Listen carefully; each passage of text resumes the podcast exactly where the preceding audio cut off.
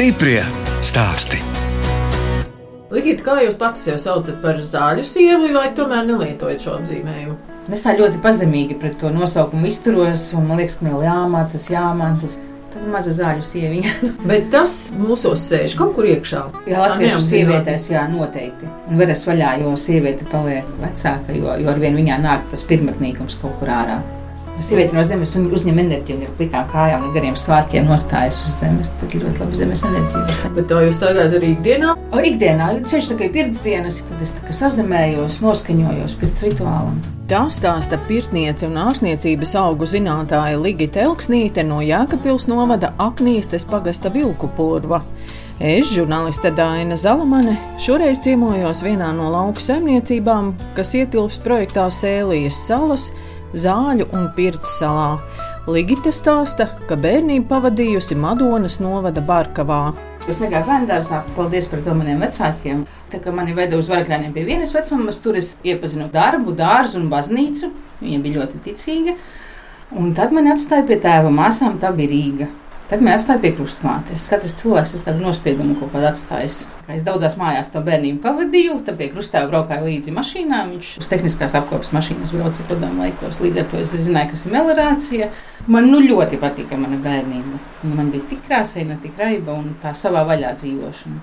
Ciemata centrā tādi paši bērni bija. Sanācām kopā bez mobilajiem telefoniem, zinājām, cikos visiem kurā vietā jāpulcējas, un tad varēja sākties tā jautrā dzīve.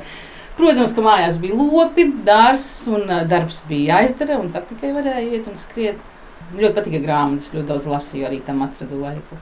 Un skolu, kur tad jūs beidzāt? Es pabeidzu Barkavas pamatskolu un pēc tam Matonas vidusskolu. Tālāk es ceļš iestājos Elgavas akadēmijā, zootehniķis. Tāpēc, manā mamma bija zootehniķe, tāpat patika dzīvnieki, patika, viss man patika. Un tad es apprecējos, sāka dzimt bērni, paņēmu akadēmisko, bet tad sākās tie juku laiki un tā profesija pazuda. Es domāju, nu kāpēc man atgriezties? Tā arī viss palika. Kaut gan pirms tam mans lielais sapnis bija kļūt par ārstu. Kad mēs mācījāmies Madonas vidusskolā, es divus gadus braukāju sagatavošanas kursiem, lai iestātos medicīnas fakultātē. Tad mēs ar draugu aizbraucām stāties uz Rīgu. Šausmīga rinda bija jāstāv, lai iesniegtu dokumentus. Un jūs stāvējāt? Es teicu, nē, es rindā nestāvēšu. Labi, pacēlu galvu, iekāpu vilcienā un aizbraucu uz Jelgavu. Draudzene tad izmācījās, viņa ir onkologs Rīgā, un es esmu šeit. Arī kaut kur varbūt tas sasaucas ar to vēlmi dziedināt. Tagad es esmu šeit, pirtī ar slotām, ar augiem un arī cenšos palīdzēt cilvēkiem. Tas arī ļoti piepildīts laiks, tas laiks, ko es ar bērniem pavadīju mājās. Jūs bijat divi, un pēc tam vēl trīņi. Nu, roka jau iesis, tā kā saka piešauta ar viņiem. Mana mamma, protams, daudz palīdzēja, atbalstīja vai produktiem vai kā. Mēs dzīvojām Saikavā vienu brīdi. Tad vajadzēja bērniem iet skolā. Tur bija sarežģīti ar skolu. Mēs pārcēlāmies uz Barkavu, jo skola blakus. Un 2001. gadā mums nodega māja tieši Ziemassvētkos. Mēs bijām 12. decembrī uzaicināti pie prezidentes Vairas Vītas Freibergas iedegt eglīti. Pēc divām nedēļām mums nodega māja. Tad mēs palikām ar astoņiem bērniem, tā kā stāvam visi ziemas vidū uz ielas, pilnīgi viss sadega. Un ļoti žēl, ka bērniem sadega mūzikas instrumenti, jo trīs mūzikas skolā mācījās klavieres, vījola, viss sadega. Bet kur tad radās astoņi bērni? Otrajā laulībā vīrs ar saviem trīs bērniem atnāca pie manis. Man bija divi, viņam bija trīs, un tad mēs gribējām kopīgo vienu, un tad sanāca trīņi pagasts piešķīra pēc ugunsgrēka, kur dzīvoja grupiņu bērnu dārzā. Tad mēs pamazām sākām Madonā celt māju savu. Un tur arī bērni pabeidza skolu un tālāk aizgāja dzīvē jau no Madonas. Vienā dienā atbrauca pie manis draudzene, un viņa saka, nu, vai kaut ko ligi dūlu izdarīt. Vīriem ir meža strāde, mums vajag kaut ko dūlu. Es saku, nu ko, atveram intīmu preču veikalu. Es saku, labi. Periferijā Latvijā nebija intīmu preču veikalu, cēsīs bija tikai. Jā, lūdzu, bija atļauja domai vai pašvaldībai, un tas bija ļoti sarežģīti. Un tad man sanāca, ka man bija veikals Madonā, Jēkabpilī un Daugopilī. Bērni jau bija savā dzīvēm, kaut kā tā viss sāka šķobīties, un tad mēs pašķīrāmies. Un es paliku ar savu biznesu, un viss ar savu meža strādi, es ar savu intīmu preču biznesu paliku. Es paliku Daugopilī. Māju sadalījāt? Māju mēs pārdevām. Un es paliku Daugopilī. Sāku mācīties par numerologu, ezotēriku, tādu sevis izzināšanu. Darbs ar sevi ļoti liels, man bija divus gadus. Un visam, ko es esmu iegūmis, ir tāda mana pieredze. Milzīgs darbs ar sevi, ko mūsdienās ļoti grūti cilvēkiem padodas darīt. Un pārsvarā uztic to darbu kaut kam no malas. Vai kaut kādām retrītiem, meditācijām, psihiatriem, atdot to savu dzīvi, kārtot kādam. Es tā nekad neesmu darījusi. Es vienmēr pati Mēģinu visādus ceļus, lasu, eksperimentēju, kamēr atrodu to savu, kas man palīdz. Tad tas nav viegli nemaz. Jā, vieglāk būtu aiziet uz dīvāniņu, pagulēt kādam, paraudāt. Tas nav mans ceļš. Jo viss pie manis atnāk gan tās mācības, gan no zināšanas par tiem kursiem. Es vienkārši pieņemu, es saku, jā. Tā kā Brensons teica, vienmēr saka jā. Es visam saku jā. Vienmēr var pateikt nē pēc tam. Tā ir laba doma. Jā. Jā. Tomēr tādi dzīves pārbaudījumi, nodeg māja, izšķiraties ar otro vīru, nu, Jā. tomēr tik daudz bērniņu. Tas ir tik vienkārši to visu pārdzīvot. Tas nav vienkārši, bet tas viss ir bijis. Ko man tagad nest līdzi kaut ko? Nu? Un tad, kad es tos divus gadus ar sevi strādāju un, un gāju ļoti dziļi iekšā ezotērijā, es sapratu, ka tā bija tā mana skola, kas mani veidoja par to, kas tagad esmu. Varbūt uz tādām lietām, uz kurām es agrāk dusmojos, tagad es esmu pateicīga. Uz to otro vīru par kaut ko biju dusmīga. Tagad es tieši par to viņam esmu pateicīga. Jo pateicoties tām sāpēm, es esmu tas, kas esmu tagad. Ja tā nebūtu bijis, es nebūtu tik laimīga, cik es tagad esmu laimīga. Aknīstē Ligita nokļuva, kad iepazinās ar savu trešo vīru valdi. Daugopilī man bija draudzene, kas nerunāja latviešu. Viņa šausmīgi gribēja iepazīties, viņa šausmīgi gribēja apprecēties. Es teicu, es nemūžam, man ir divi vīri bijušas, nē, es tagad būšu biznesa sieviete, viss, man neviena vīrieti. Viņa saka, bet nu man palīdz iztulkot kādu precīzu sludinājumu. Tad viņa gāja uz randiņiem, un es tik viņai tulkoju un tulkoju, un tad tāds ļoti interesants sludinājums bija.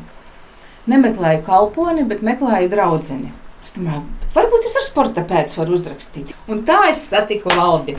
Viņa joprojām nav precēta, es jau esmu precēta trešo reizi. Vilku purvā, kā jūs nonācāt? Nu, šīs ir vīra mantojuma mājas. Mēs iepazināmies. Šīs mājas bija sācis atjaunot pamazām. Tad pieslēdzos es un, un salikām kauliņus kopā, un tā nu es esmu šeit. Un tā mēs te sākām, un visi man teica, ko tu dari. Bet es esmu tik laimīga, tā, ka es esmu šeit, un tas viss tā ir izveidojies, kur mana dvēsele ir pilnīgi gavilē. Es esmu kopā ar dabu un daru to, kas man patīk. Par mani teica, ka es esmu pilnīgi traka. Tā kā man bija savs bizness, es vienkārši vienā dienā aizvēru veikalu. Viņš atbrauca ar busu pie manis uz Daugopilu, mēs visu sakrāvām, un es atbraucu uz nekurieni, uz māju, kurai tecēja jumts. Ārā bija tolete, nebija ne dušas, ne ūdens. Bija caurs jumts, vecs šīfera, sapūši logi, grīdu nav. Viss vecs, krāsnes nav. To mēs esam savām rokām diezgan smagā darbā, teiksim tā. Tas viss daudz maz jau ir pacelts. Mums ir visas ērtības, mums ir silts ūdens, duša, tolete, man ir trauku mazgājumā mašīna, veļas mašīnas, nu ko vēl, nu, roboti visi, nu, ko izsūk grīdu. Jūsu sarkani lakotie nādziņi arī liecina, ka daudz ar ravēšanu varbūt neaizrauties. Ir aizraujos, cimdus. Cimdus cimdiem, protams, jā, es strādāju visus darbus. Es roku zemi nesu, mēslus, ravēju, es visus darbus daru. Tad, kad atjaunojām māju, tad mājas pamatos atradām vēstījumu. Bija pudelē no mājas iepriekšējiem īpašniekiem vēstījums. Viņu var aplūkot teikt Aknīstas novadpētniecības muzejā. Laba vēlējumiem liela vēstule bija iekšā. Tur nekas nebija minēts, ne kā ir izcēlējis mājas nosaukums, ne arī ir kaut kādas ziņas muzejā par to, kāpēc tieši tāds nosaukums. Jā, un tad mēs nodomājam, nu, kad mums tā neienāca prātā, kad mēs tos pamatus atjaunojām, arī iemūrēt kaut ko. Nu, vilku purvs. Tas nozīmē, ka te ir gan vilki, gan purvs. Par vilkiem nevaru pateikt neko. Te ir purvs ļoti tuvu, viss ir slapjš, un te ir rodzes. Nu, kā jūs ar tām čūskām sadzīvojat? Ļoti labi. Ir jums kaut kādi čūsku vārdi? Jā, man ir savi. Es katru pavasari novārdoju maizīti. Es maizīti vienmēr nesāju līdzi, kad eju mežā. Bet jums te uz mājām arī nāk? Uh, tur, kur ir izpļauts, nē, viņām nepatīk. Tāpēc man tāda liela teritorija ir nopļauta. Bet mazo sunīti man sakodēja šo pavasaru. jā. Bet izdevās izglābt. Nu, nekas jau viņam nebija izkrita tāds gabaliņš pavārga. Lielais suns viņu apkopa, aizēja, visu laiku masēja to vietiņu. Un finālā veterinārā ārsta ziedīti iedeva. Pateicoties lielajam sunim, kurš acīm redzot no dabas zina, kā jārīkojas, tad mazo uzlika uz kājām. Nu, tā diezgan bailīgi. Nē, dabu ir jādraudzējas. Neviens speciāli virsū neskries un pāri nedarīs. Stiprie stāsti.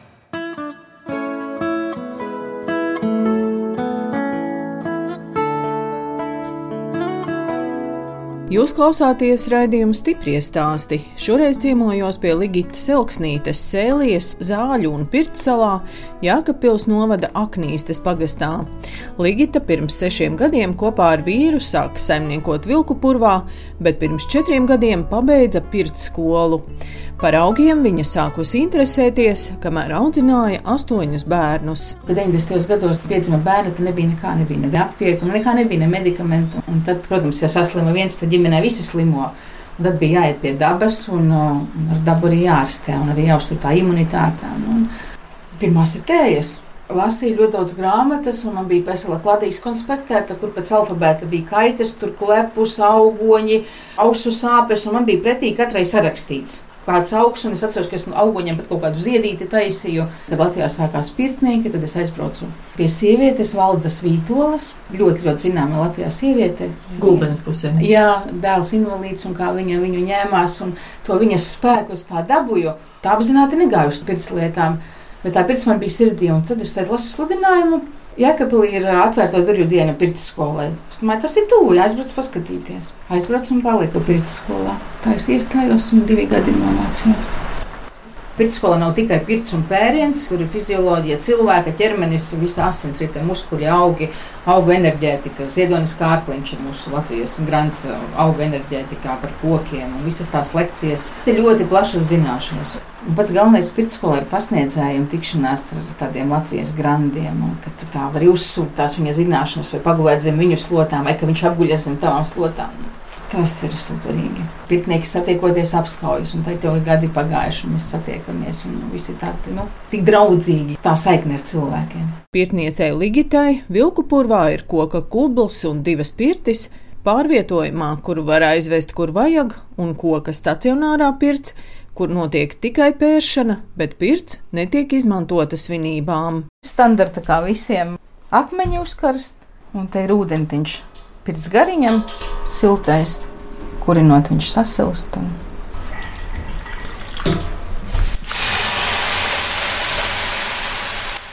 Vai cik jauki! Tā, es mācījos pirts skolā, jo man nebija savs pirts. Ir tā, ka es ļauju Dievam mani vest tur, kur viņš ved. Es vienkārši pieķeros pie rokas un atļauju, lai mani ved. Ja man aizved uz pirts skolu, tad viņš arī dos man pirti. Nav ko satraukties. Mācos, mācos.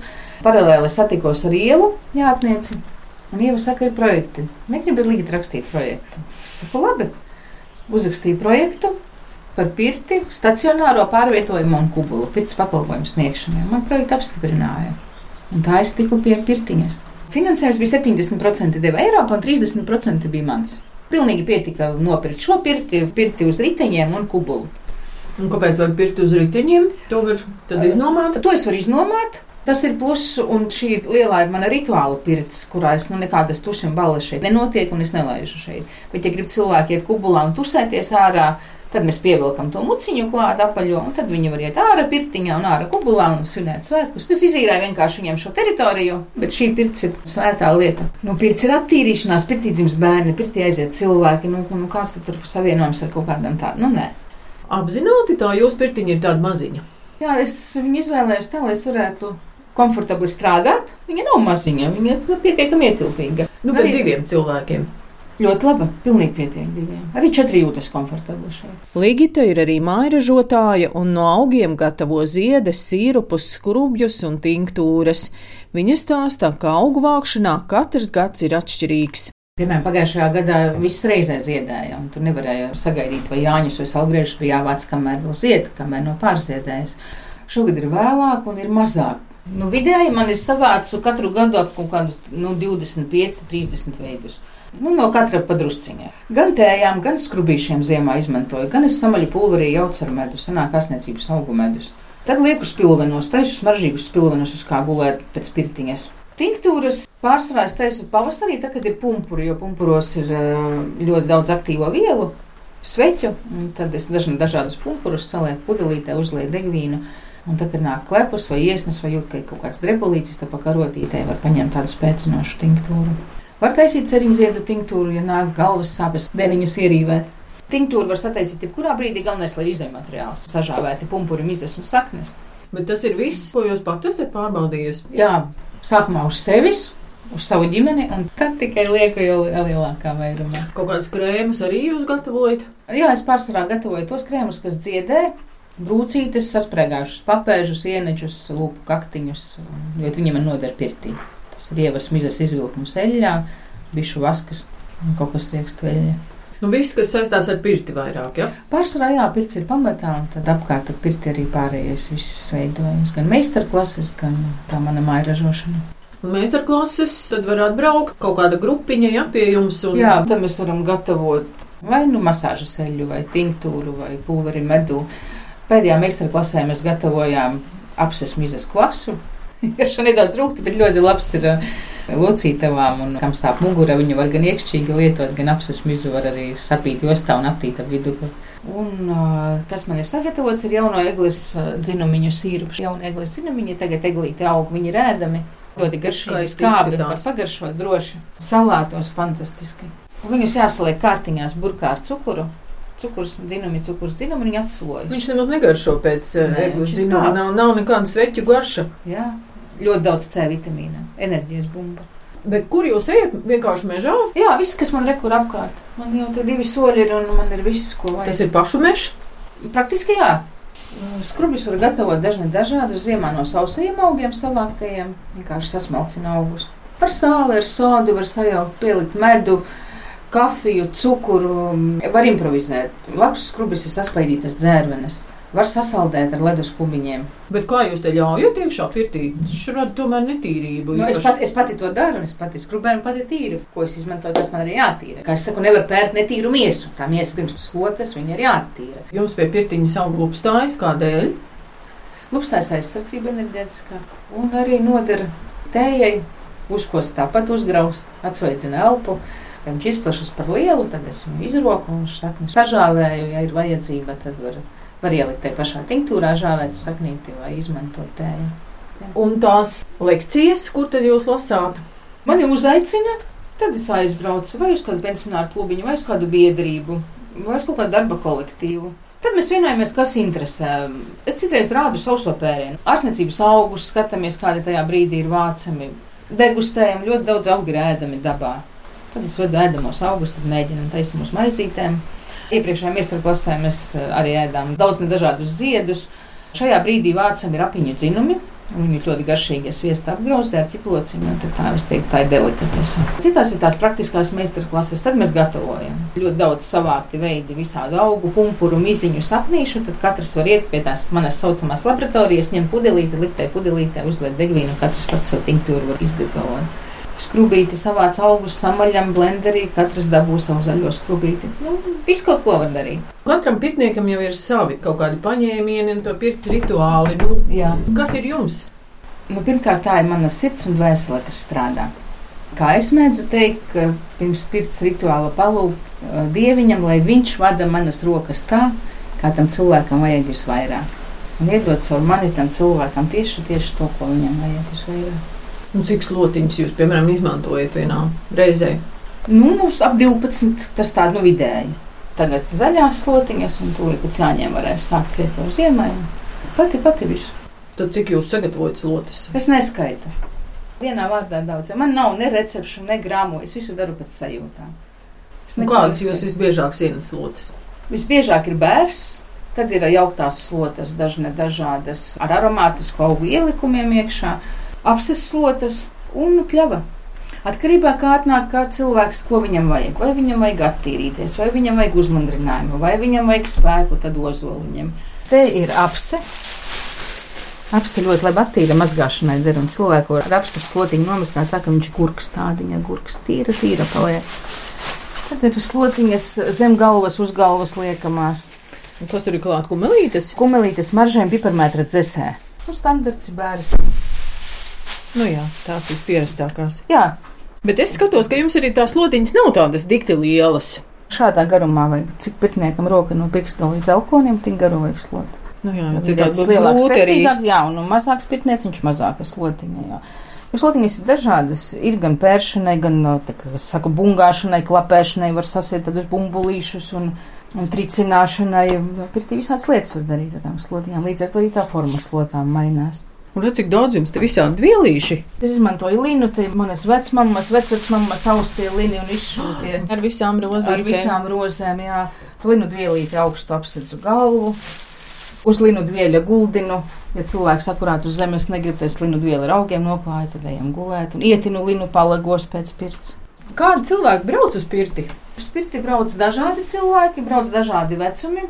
Un brauc gan ar pirts pieredzi, un brauc arī tie, kas pirmoreiz grib izmēģināt pirtīnu. Uzlabojas pirtī veselība. Es domāju, ka jā, noteikti. Jo viens ir pirts, un otrs ir mūsdienu steigā tā atslēgšanās, tās 4-5 stundas, cik mēs šeit pavadām bez telefona. Atslēdzoties vispār no ārpasaules. Neļaujot telefonu ienest? Nē, jābūt skaņai izslēgtai. Tad cilvēkam arī smadzenes atpūšas, ne tikai ķermenis. Ko pašam pirtniekam nozīmē tāda pirts procedūra? Tas tomēr ir fizisks slodzi, vai ne? Jā, un uh, to nevar darīt, ja pirtnieks nav aicinājums. Ja atnāktu kāds mēģināt mehāniski nopērt cilvēku, viņš neizturētu to. Bet, ja tajā ir iekšā sirds, tad jau to fizisko vairs nejūt, kad, kad cilvēkam var sagādāt prieku, baudu.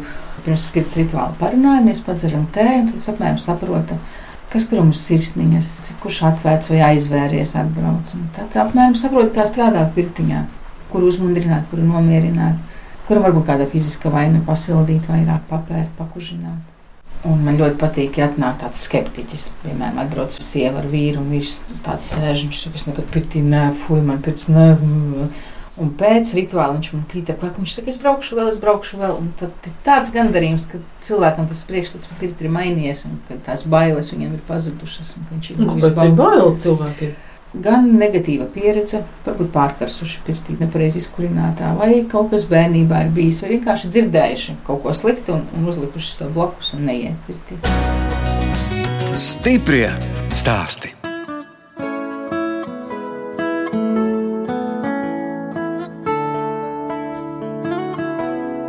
Jūs klausāties raidījuma stiprie stāstī. Turpinu ciemoties pie pirtnieces un zāļu sievas Ligitas Elksnītes, Sēlijā, Jēkabpils novada Aknīstes pagasta vilku purvā. Ziemā, kad brīvāks laiks, Ligitai patīk ceļot. Tad mēs ar vīru kādu biļeti kaut kur noķeram, kad ir lētāks. Mūsu avantūra bija aizbraukt ar autobusu uz Berlīni ar vienu pārsēšanos. Tad esam kopā Spānijā pabijuši, Francijā tajās ārzemēs, nu, ko jūs tur meklējat? Tagad pa muzejiem? Jā, man viss ļoti, ļoti spēcīgs vēsturē, un ar viņu ir ļoti interesanti. Ja mēs varam iet jebkurā muzejā, pie jebkura objekta, un viņš zina pastāstīt. Tādas visādas interesantas lietas, vai iet pa kaut kādu ielu, un tad viņš zina, kā tur tās mājas, kurai gadsimtā, vai tur kāds karalis tur ir kaut ko darījis. Ļoti interesanti ir. Un vīrs ar ko tad maizi pelna? Vīrs strādā tāpat blakus kūdras iegūs. Kurvā? Kūdras ieguvēja strādā? Jā, jā nu, speciāli tāda tehnika ir, uz kuras viņš strādā. Tas ir labi, kad ir darbs blakus mājai. Bet jums arī, kad jūs nācāt, nu jums jau bija jādomā, ko jūs tur laukos darīsiet, kā maizi pelnīsiet. Es tā nedomāju, es tā nākšu te redzēšu. Dārziņš arī jums ir? Maziņš dārziņš ir jāmas savi kartupeļi, savi sīpoli, nu standarts, burkāni bietas, zemenes, augļu koki. Un siltumnīca arī? Nē, nē, nē, tas būs kaut kāds. Nav laika tagad. Siltumnīca ļoti daudz prasa laika. Draudzenei ir siltumnīca, tad es viņai iedodu gurtus, viņa man iedod tomātus. Barters. Jā. Veikals tālu. Ir mašīna, ir interneta veikali. Atved klāt kurjeris visu, ko sirds kāro. Uz ceļa galva var aiziet pa pastkastītes, divreiz nedēļā brauc garām autoveikals. Bet, nu, protams, braucot uz pilsētu, ir saraksts līdzi sapēt ilgākam laikam. Un... Un dīķītis, tas ir uh, arī pašu raksts. Jā, agrāk šeit ganījās lopi. Un neviena lopa nav? Divi suņi un kaķis. Bet jūs šeit arī ir divi tā dzīvojat? Principā jā. Daļa bērnu ir, kas strādā ziemu ārzemēs un vasaru dzīvo Latvijā, tad dzīvo pie manis. Nu, ja būtu liela ģimene, bērni vai mazbērni te dzīvo, tad jau ir savādāk. Tad jau tā gotiņa arī ir tāds iztiks līdzeklis. Nezinu, man ir ļoti ilgi bijuši lopi. Tā kā bērni bija mazie, mums bija govis un cūkas un vistas un truši un saimniecība bija sava. Man netrūks nekā. Vienīgi biežāk bērnus gribētu satikt un mazbērnus. Man vajag pilsētu, es paņemu brīvdienas, es aizbraucu uz Daugopili, vai nu paņemu viesnīcu, vai noirēju dzīvokli. Tagad bija pilsētas svētkos četras dienas pavadīju pilsētā. Es izbaudīju pilsētu, izbaudīju cilvēkus. Man vajag Rīgas, es aizbraucu uz Rīgu. Vajag ārzemes, es aizlidoju. Jums ir pie kā aizlidot. Cik tad no jūsu bērniem tad tagad ārzemēs dzīvo? Četri. Un kādās valstīs? Anglija, Francija, Indonēzija un tūlīt būs Arābu Emirāti augustā. Bērni ir pavārs, fizioterapeits, māksliniece, namdaris, galdnieks. Un kāpēc viņi tomēr aizbrauca? Tā bija tāda interese paskatīties. Izdzīvošana. Jo abi dēli divas reizes mēģinājuši atgriezties Latvijā. Seši mēneši, un viņi atkal aizbrauc. Un kas te ir tas grūtākais? Nu, kāpēc neizdodas? Tas ir materiālais pierasts. Un, un viņiem ir bērni, un, un viņi pastāsta par bērnu nākotni, domājot. Katram savi apsvērumi. Es katrā ziņā respektēju viņu lēmumus, un tā ir viņu dzīve. Lai ir šī vieta, kur viņiem atbraukt pie manis, padzīvoties, paciemoties. Tālāk jau viņu izvēle. Jūs man teicāt, ka nedrīkst nepieminēt vīra daiņa bērnus, ka jūs jau viņus arī esat izaudzinājis. Un ko tie dara? Meita Talsos trīs dēli, trīs mazbērni. Man ir otra meita ir Anglijā, pavārs, un dēls arī aizcēlās tikko uz Angliju. Viņam ir sava firma būvniecības. Jūs teicāt, ka znots Nīderlandietis, znots Francūzis. Jā, jā. Tāda ir pasaule tagad. Un kā tad jūs ar tiem notiem sarunājaties? Kaut kā meitas jau pamanījušās, viņi jau diezgan labi latviešu saprot. Jā, Nīderlandietis nedaudz vāciski runājot, tam es vācu valodā nedaudz.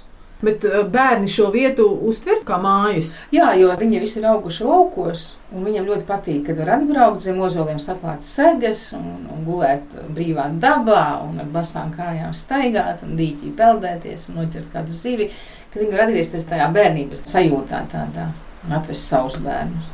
Bērniem arī patīk pirts. Lielākajai daļai jā. Viens dēls. Viņš pa pavāru strādā, viņš kā viņam virtuvē karstuma pietiekot, viņš vairs negribot. Jūs tagad rīkojat salidojumus, lai varētu satikties ar visiem bērniem. Lai mani mazbērni, brālēni, māsīcas viens otru pazītu, pat cik izkaisīti visi pa pasauli ir. Bērni varbūt vēl tā kā savā starpā sakomunicē, bet jau bērnu bērni un vēl tālāk jau ar vien retāk. Un tad man tā doma ir, lai šis salidojums ir kā tradīcija, kad sabrauc gan bērni kopā, gan mani mazbērni vai brālēni un māsīcas. Kad jūs rīkojat to salidojumu? Vasarā. Ligita vēl stāsta par apkārtnē esošajām projekta Sēlijas salas saimniecībām. Tūmā jau var teikt, tas ir Alpaku sala. Alpakas audzē, tad ir vietē vīnogas, kaldabruņā no stikla taisa rotas. Tik skaists maršruts apceļojot Sēlijas salas. Katrā kaut ko iegūt, izbaudīt, paskatīties un paņemt līdzi. Tā kā mēs esam sēlijā, kā jūs teiktu, ar ko sēlija atšķiras no citām Latvijas vietām? Man sēlija liekas ļoti draudzīgiem cilvēkiem. Tā es iedzīvojos, un tā mani pieņēma tādi ļoti draudzīgi pretī nākoši cilvēki. Tā ir mana sajūta. Un visi tādi darbīgi, sīksti un cīnītāji. Tie, kas te ir, jā, pastāv par savu vietu. Ligita, kādi vēl sapņi? uztaisīt filigrānāku šo visu, ko es daru, jo man ir šī zāļu un pirts sala, un līdz galam man tās visas rozes un puķes jāizgrib tajā bildē visā. Jāstais līdz galam mans namiņš, kurā varēs nakšņot. Ir tā, ka sparot vienu soli, tas nākamais solis jau pats parādās. Un tas ir ļoti interesanti, tā, ka es izdaru vienu, tad man pa, ah, varētu tā, bet ja es būtu izdomājis, es ietu pa savu plānu, es būtu neredzētu tās iespējas, kas vēl apkārt. Vienkārši vajag ļauties. Es saku, tā, es esmu savas dzīves saimniece. Es patiesībā viņu šeptējos, kā man sanāk, tā man sanāk. Bērni teica, tā, galvenais, lai tu mamma esi laimīga. Viņi saka, tik forši dzirdēt, ka tu smejies, ka tu dziedi. Man bērni ļoti, ļoti muzikāli, tad viņi sabrauc, tad mēs tepat visi uzdziedam, ko jūs dziedat? Tautas dziesmas, viņi gāja folkloras kopā trīnīši, zinām gan tautas rotaļas, gan dejas, gan, gan dziesmas. Nu, tā kā mums tā vasara ir skaista, bet īsa, ko cilvēkam noteikti vajadzētu vasarā izbaudīt? Ieiet pļavā, ar plikām kājām, kailam nopeldēties, un smaržīgu tējas krūzi izdzert, un būt ar sevi, atslēgt visus telefonus un aiziet uz pirtiņā. Pirts ir tā vieta, kur to vasaru var pagarināt, jo ziemā smaržo slotas, ziemā ir augi, ir skrūpīši ar tēju, un, un ziemā pirtī var sajust to vasaras, gan siltumu, gan smaržu. Pirts ir tā vieta, kur vasara ir cauri gadu.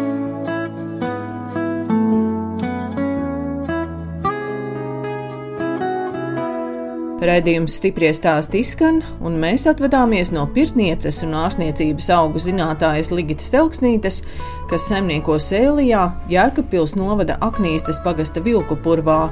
Viņa ir viena no projekta Sēlijas salas saimniecībām, izveidojusi zāļu un pirts salu.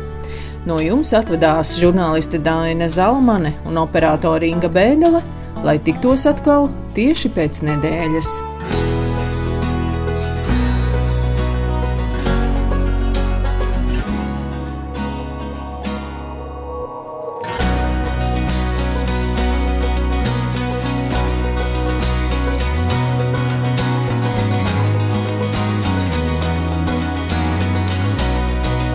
Stiprie stāsti.